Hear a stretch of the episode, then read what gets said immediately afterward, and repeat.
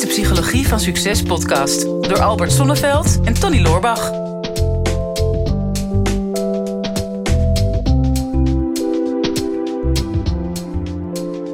Het is nog geen Sinterklaas, maar vol verwachting klopt mijn hart. Is het zo? Ja, en de vraag is, kan ik daarop vertrouwen? Op je hart? Ja, ja. Ja, denk ik wel. Ja, Ja, dat- is een korte podcast. Ja, dat zou ik gewoon doen. Gewoon proberen. Als, Nou ja. als het tegenvalt, kan je nog wat anders gaan doen. Er zijn altijd mensen die zeggen, ja, je moet vertrouwen op je onderbuikgevoel. Ehm, ja, dat zit in je onderbuik. Je, of je, moet op je, hart, je moet je hart volgen. Ehm, nou, dat wordt ook in allerlei situaties genoemd. Zowel in relationele sfeer als eh, belangrijke zakelijke beslissingen. Maar wat is het nou? En volgens mij is daar een vragensteller die daar een, Ja, nou, ieder geval een vraag over heeft. ja we hebben een vraag van eh, Len. Eh, zij zegt, ehm, ik heb ooit de quote gehoord... je weten zit in je hart en de twijfel zit in je hoofd. Mijn vraag is of je twijfel in je hoofd... het weten van je hart kan beïnvloeden. Oh, mooie zin wel. Ja, Ja, je dus- zou er dus- bijna een tegeltje van kunnen maken. Ja, nou, je hebt natuurlijk een programma, Kiezen vanuit je hart. Dat heeft natuurlijk inmiddels iedereen gevolgd. Maar Ja. ben jij nou de laatste persoon in Nederland, België die dat nog niet gevolgd heeft? Ja. Wil je dat natuurlijk even, even lid worden van Brein TV. Ja, en dan die- wil je dat volgen. Dus dan, dan kan je kiezen vanuit je hart. Maar ja, dan komt er op een gegeven moment, dan weet je in je hart weet je wat de juiste keuze is. Maar dan nog zit er een twijfel in je zit hoofd. dat hoofd, hè, dat, dat, dat, altijd weer dat eeuwige dilemma tussen het hoofd en het hart. Wie, wie herkent dat niet? Ja. En dus er is zelfs een programma over doet hij het of doet hij het niet. ja, precies. Ja, dat hoofd. Ja. dat, dat, dat hoofd. Ehm, ja, ik, ik heb natuurlijk, eh, of natuurlijk, maar ik heb een boek geschreven dat heet eh, Kiezen vanuit je hart. En daar hebben we uiteindelijk ook een, eh, een programma, een e-learning programma over gemaakt. Omdat ik uiteindelijk erachter kwam in, in mijn praktijk dat, ja, weet je, mensen die, als je het helemaal terug gaat brengen naar wat is nou het werkelijke probleem. 9 van de 10 keer is dat een keuzeprobleem. Hè, Als mensen stress ervaren, ja, de definitie van stress is het lichamelijke en, en psychische eh, gevoel wat je hebt op het moment dat het verschil tussen moeten en kunnen langdurig te groot is. Ja, moeten en kunnen, dat wil dus zeggen, ja, ik, ik, ik voel dat ik op dit moment geen keuzemogelijkheid heb. Terwijl je die natuurlijk altijd wel hebt. Ehm, maar dat, dat is voor mensen lastig. En dus de, de werkelijke problemen in het leven gaan over kiezen. Eh, en, maar nooit heeft iemand op school geleerd. Hè, je leert aardrijkskunde, rekenen, talen enzovoorts enzovoorts. Maar leren kiezen. Hoe doe je dat nou eigenlijk? En waar is dat principe op gebaseerd?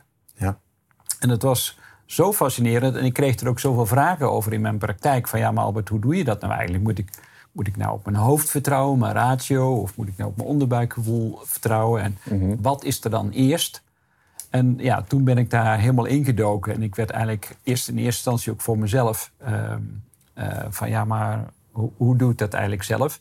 En vervolgens ben ik dat ook aan mijn cliënten gaan adviseren hoe dat hele keuzeproces verloopt. En, en niet alleen in de westerse wereld, maar ook in de oosterse wereld. Hoe CEO's beslissingen nemen. Ehm, ja, en dan, dan kom je erachter dat levensbelangrijke keuzes... eh, soms op een hele rationele manier worden gekozen. Hè, bijna ja, als een soort volgorde die dan wordt uitgestippeld... en zegt van nou, eerst dit en dan dat. Heel rationeel. Tot heel intuïtief. Ehm, en dan wordt soms ook nog onderscheid gemaakt tussen mannelijk en vrouwelijk. Hè. Ehm, Maar mijn belangrijkste conclusie is ehm, tijdens het schrijven van het boek dat je keuzes maakt vanuit je hart. En dat je daarna redenen gaat bedenken om die keuzes te rechtvaardigen. Ja. Dus het, het hoofd komt erachteraan. Ja, klopt. Ja. Ja, de hoofd sukkelt er nog een beetje achteraan. ja. Ja, Ja, maar dat is. eh, ik, ik geef natuurlijk veel neuromarketing trainingen. En daarin eh, komt dat natuurlijk ook naar voren. Hè, als het gaat over mensen online iets laten besluiten. Van ja, je, je, hebt, je hebt drie breinen: hè, je, je reptiele brein, je zoogdierenbrein en je, en je neocortex. Om het maar zo in drie lagen te zien, zeg maar. En dat gaat van instincten naar emoties naar, naar ratio. Om heel kort door de bocht. Maar daar gaan we niet de hele podcast aan besteden. en, en daar is ook de regel: emotie gaat voor ratio. Dus eh, jouw emotie besluit om een product te kopen. En het is de ratio die het achteraf voor jou goed praat. Ja. dus je hebt de koopbeslissing al gemaakt en vervolgens zoek je naar redenen om die koopbeslissing te rechtvaardigen. Ja, maar dan instinken is dan iets anders. Oh, je hebt het over instinct en instinken, maar dan doe je met de marketing doe je dat op een andere manier. Dan. ja, maar dat is, dat is geheim, zeg maar. Ja, wij noemen dat beïnvloeding. Ja. dat, is, ja, dat is een hele dunne grens tussen beïnvloeding en manipulatie. Ja, oké. Maar, nee, maar, maar ja, emotie gaat boven ratio. En ik denk dat. Ehm, als je 100% op je emotie kan vertrouwen, dan heb je over het algemeen je ratio niet nodig. Hmm. Eh, je, je voelt wat de juiste keuze is voor jou. Alleen, um, dat is niet bij elke keuze is dat altijd even duidelijk als jij een, een, product gaat kopen, er komt een, een, nieuwe telefoon op de markt. Ja, die, die, die, koopbeslissing die heb je al gemaakt voor, voordat de fabriek was begonnen met in elkaar zetten van die telefoon.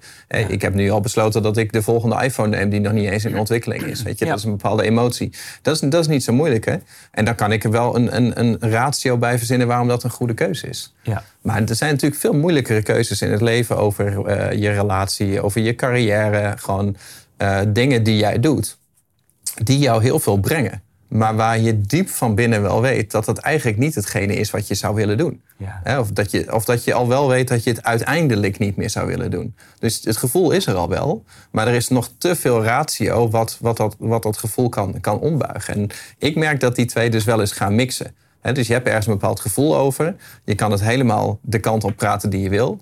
Totdat je gaat twijfelen aan je gevoel. En dan kan je het ook de andere kant op gaan praten. En dan weet ik vaak niet meer precies wat is nou de ratio en wat is het gevoel wat hier spreekt. Nee, het lastige is, en, en ehm, ja, uh, je geeft jezelf ook altijd gelijk. Hè? Welke kant dat je ook oppraat. ja, precies. Ja. Want je kunt nooit verder denken dan de hoogte van je eigen bewustzijn is. Maar het, het, mooie is, en, en dat is denk ik uh, op een onderzoek waar ik op ben uh, gestuurd tijdens het schrijven van het boek, de, de Hard Math methode. Ehm, en dat is een, een, een, bedrijf in Amerika wat heel veel onderzoek heeft gedaan ook naar hartslagcoherentie. Mm Coherentie gaat dus over de hoogste piek van je hartslag en de laagste piek. En hoe, hoe, uh, hoe groter het verschil er is, of juist de gelijkmatigheid die erin uh, is, die zegt iets over de, de conditie uh, van je hart, maar die zegt ook iets over de signalen van, die van je hart naar je hoofd worden gestuurd. Ja. En als je er neurologisch naar kijkt, dan blijkt dat je vijf keer meer uh, zenuw- en, en, informatieprikkels van je hart naar je hoofd krijgt dan andersom. Hm. Dus je hart voedt in feite je brein. Hm. Um, en, en ze hebben een heel fascinerend onderzoek gedaan. Um, en uh, ja, ik, misschien kan ik het het beste uitleggen. Dus ze hadden dus allerlei proefpersonen hadden ze in een, in een donkere zaal, gewoon in een bioscoop gezet. Mm -hmm. Um, ze hadden die mensen aangesloten aan die hartcoherentieapparatuur. Dus je zag gewoon die hartslagen, zag je gewoon heel mooi rustig lopen.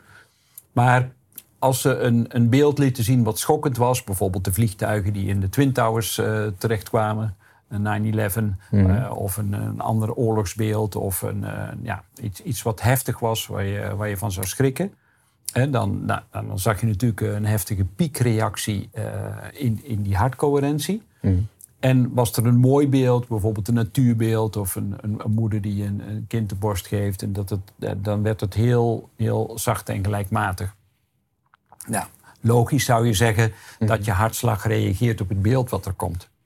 Maar toen gingen ze nog een stukje verder, en dit is het magische van het onderzoek, is dat ze, ze lieten die beelden random zien. Dus je wist van tevoren niet of er een mooi positief beeld kwam of een angstig negatief beeld. Mm en ook de tijd die ze tussen die beelden uh, hielden, die was verschillend. Dus hmm. soms zat er 10 seconden tussen, soms 3 seconden, soms uh, eh, 12 seconden. Hmm. En toen kwam het, het wonderlijke. Mensen wisten dus van tevoren niet wat voor beeld dat er kwam. Maar vier tot vijf seconden voordat het beeld kwam, gaf het hart al aan wat voor beeld dat er verwacht werd. Mm. En dat kon je dus in die hartcoherentie terugzien. En dan kun je zeggen, ja, maar hoe kan dat nou? Ja. dat weten we dus niet. Maar blijkbaar, het hart weet het al. En ja, dit is... Het hart gaat heel hard. Ja, je hart gaat ontzettend hard. dat deed je van thee.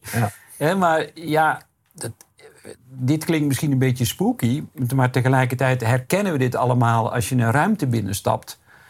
En, en ook al zijn er geen mensen aanwezig, maar je, je hebt al een bepaald gevoel van... goh, het lijkt wel alsof hier net ruzie is geweest. Hè, er, er hangt hier zo'n nare sfeer. Je hart heeft het al gevoeld, zonder dat je een reden kunt bedenken... of kunt verklaren waarom dat je op dat moment even een beetje ongemakkelijk voelde, bijvoorbeeld. Of juist, je komt op een plek en denkt... ah, ik voel me hier meteen thuis. Zonder dat je daar een rationele verklaring voor hebt. Nou, om, om al richting het antwoord van, van de vraag te komen, is je hart weet het dus. Je hart weet het van tevoren. Nou, er is een boek en dat heet The Five Second Rule. Die, die legt heel precies uit dat de eerste vijf seconden, als de impuls er is, hè, iets voelt goed of voelt niet goed. En ik ga dadelijk daar nog wat specifieker op in. Een pluis, niet pluis. Eh, of wat ik zeg is, voelt je hart licht als een veertje? Even is er een bepaalde blijheid of een gemak of een soort opluchting? Voel je dat? Dan zit je goed. En dan weet je gewoon, oké, mijn hart heeft ja gezegd. Eh, voel je iets van spanning of stress of voelt het zwaar of donker of wat jij maar eh, voor betekenis eraan wil geven? Ja, binnen vijf seconden ga je daarna een reden bedenken waarom dat je je zo licht voelt of waarom dat je je zo zwaar voelt. Maar dat eerste gevoel is kloppend. Ook als je mensen ontmoet. Hè, dan heb je, ik weet het niet, ergens, ja, het is niet helemaal koosje met die persoon. En mannen die zeggen dan vaak, en nu ga ik generaliseren, eh, die zeggen dan vaak in de zakelijk, ah ja, je, en die, die, die praten dat dan wel goed. Maar vrouwen zijn daar vaak, vind ik, nog gevoeliger voor in. En die zeggen, nee, er is iets met die gast. ik kan het nog niet benoemen. Ah ja, jij, jij ook altijd. En dat wordt dan een beetje gebagatelliseerd. Maar die, die intuïtie is vaak nog verfijnder. Van pluis, niet pluis. Ja, klopt. Nou ja, ik heb, ik heb dat in het verleden vaak gehad, bijvoorbeeld met, met sollicitaties. Eh, dat, ik zit nu niet meer in die processen in mijn bedrijf, hè, dus dat doen, doen andere mensen. Maar voorheen dan was ik altijd bij de sollicitaties betrokken, het eerste of het tweede gesprek. En ik wist altijd gewoon als iemand binnenkwam, ik, ik weet het gewoon bij de, bij de handdruk. Toen mocht dat nog. Ja. Toen wist ik het al. Ja. En ehm, dan, eh, soms dan had je een, een, een twijfelgesprek. En dan, dan merkte ik dat dat echt heel lang duurde om achteraf alle voor's en tegens af te wezen. En dan verzonnen we er ook allemaal dingen bij. Van nou, hè, als, als, als iemand zo en zo is, dan zal die ook wel zo en zo. En dan, dan, werd, dan werd het gewoon eh 100% theorie. Het werd, gewoon, werd gewoon fantasie. Het had helemaal niks meer te maken met de sollicitant. Denk, ja, je moet, je moet echt durven vertrouwen op, de, op dat eerste gevoel. Ja. Het is dus zelden, zelden gebeurd dat dat, dat, dat gevoel niet, eh, niet klopte. Alleen wat, wat ik wel eens lastig vind, ben benieuwd hoe jij daar dan naar kijkt. Kijk, sommige situaties zijn natuurlijk een beetje vervlochten met elkaar. Hè? Bijvoorbeeld, eh, eh, ik heb laatst zo- zo'n challenge gedaan, hè? een, een 28 dagen challenge. Ja. En daar hebben wij het ook wel over gehad. Van, ehm, ja, ik heb een aantal online marketingbedrijven. Nou, ik ben wat meer op de achtergrond aan het, aan het komen, eh, op, op mijn manier dan.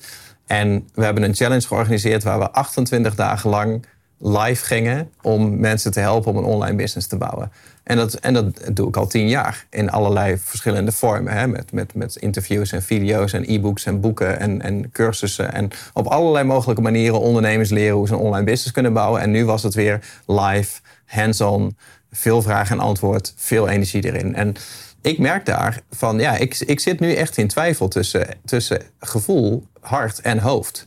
Want ik weet dat dat eh, voor mijn business is dit, is dit eh, fantastisch. Eh, is dit een, eh, is het eigenlijk een, eh, het is te waardevol om dit niet te doen. Hol- Het is 100% hoofd. Ja. En ik weet ook dat er een heleboel dingen in die challenge zitten die ik leuk vind. Ik weet dat ik het eindresultaat prachtig ga vinden. Ik weet dat we, we hebben nu weer 1600 ondernemers deden mee die allemaal aan de slag zijn. Dus de impact is gigantisch. En als ik dat allemaal bij elkaar optel, dan, dan, dan is de balans heel snel opgemaakt van we moeten dit gewoon doen. Maar ik weet eigenlijk ook stiekem dat mijn hart er niet meer helemaal in zit. Ik vind, vind het gewoon niet zo leuk meer, dat stuk. Ja. Niet alles, maar een aantal aspecten daarvan. En ik merk dat als mijn hart er niet meer in zit... Dat, ehm, dat dat, precies wat jij zegt, dat dat mijn gedachten gaat beïnvloeden. Ja. Dus dat ik tijdens zo'n training voel van... eigenlijk wil ik dit niet meer. En dan vind ik het ook moeilijk om daar dan nog echt vol voor te gaan. Ja. En dan gaat het heel veel energie kosten. Dus we hebben dat nu gedaan. Nou, fantastisch succes, allemaal complimenten, business gegroeid, top. Dus ik ben echt ben heel blij. Ja. Maar ik weet ook van mezelf, ja, dit gaat mij weken, misschien zelfs wel maanden kosten om deze energie weer terug te winnen. Ja. Ik voel dat gewoon aan me. Dit, dit is niet met een weekendje slaap gefixt. En, dus, en dit is weer zo'n moment dat ik weer in die twijfel kom van... mijn hart weet het eigenlijk al. En al best wel een tijdje. Alleen, het is niet een 100% ja of nee keuze. Het, het zit op sommige dingen vind ik wel leuk, sommige dingen niet. Maar mijn hoofd praat het elke keer goed, zelfs nu. Ja. Om, Ja. om dit nog te blijven doen. Van, ah, misschien net even een andere vorm. Het is toch nog wel tof. En eh, de upside is groter dan de downside. Maar eigenlijk loop ik er stiekem wel op leeg. En, en, dat, en als ik dat nog heel lang volhoud, dan, dan zal dat, dat steeds erger worden. Dus het gaat zijn, het gaat zijn tol vragen. En dat, dit is dan mijn voorbeeld. Maar ik denk heel veel mensen dat hebben. Mensen hebben dat in relaties, ook in werk. Of, nou ja, dat, het, het, het maakt niet uit, maar Ja. daar kom je in terecht. Omdat ja, uiteindelijk, eh, zoals, zoals wij er ook naar kijken, is alles staat ten dienste van de groei. Hè. Dus groei en ontwikkeling, Ja. eh, met name persoonlijke ontwikkeling. Hè. Dus, dus de, de beste versie van jezelf worden. Of, en, eh, nou, klinkt dan weer zo geweldig sloganachtig. Ja, maar wel steeds meer jezelf zijn. Hè. Wie, wie is Tony? Wie is Albert? ja, En al die situaties zijn ervoor bedoeld om steeds beter bij jezelf te gaan herkennen. Wie ben ik echt? Hè, dus, dus wie ben ik ten diepste? Eh, wat is mijn blauwdruk? Waar ben ik voor naar de aarde gekomen? Wat heb ik ten volle te leven?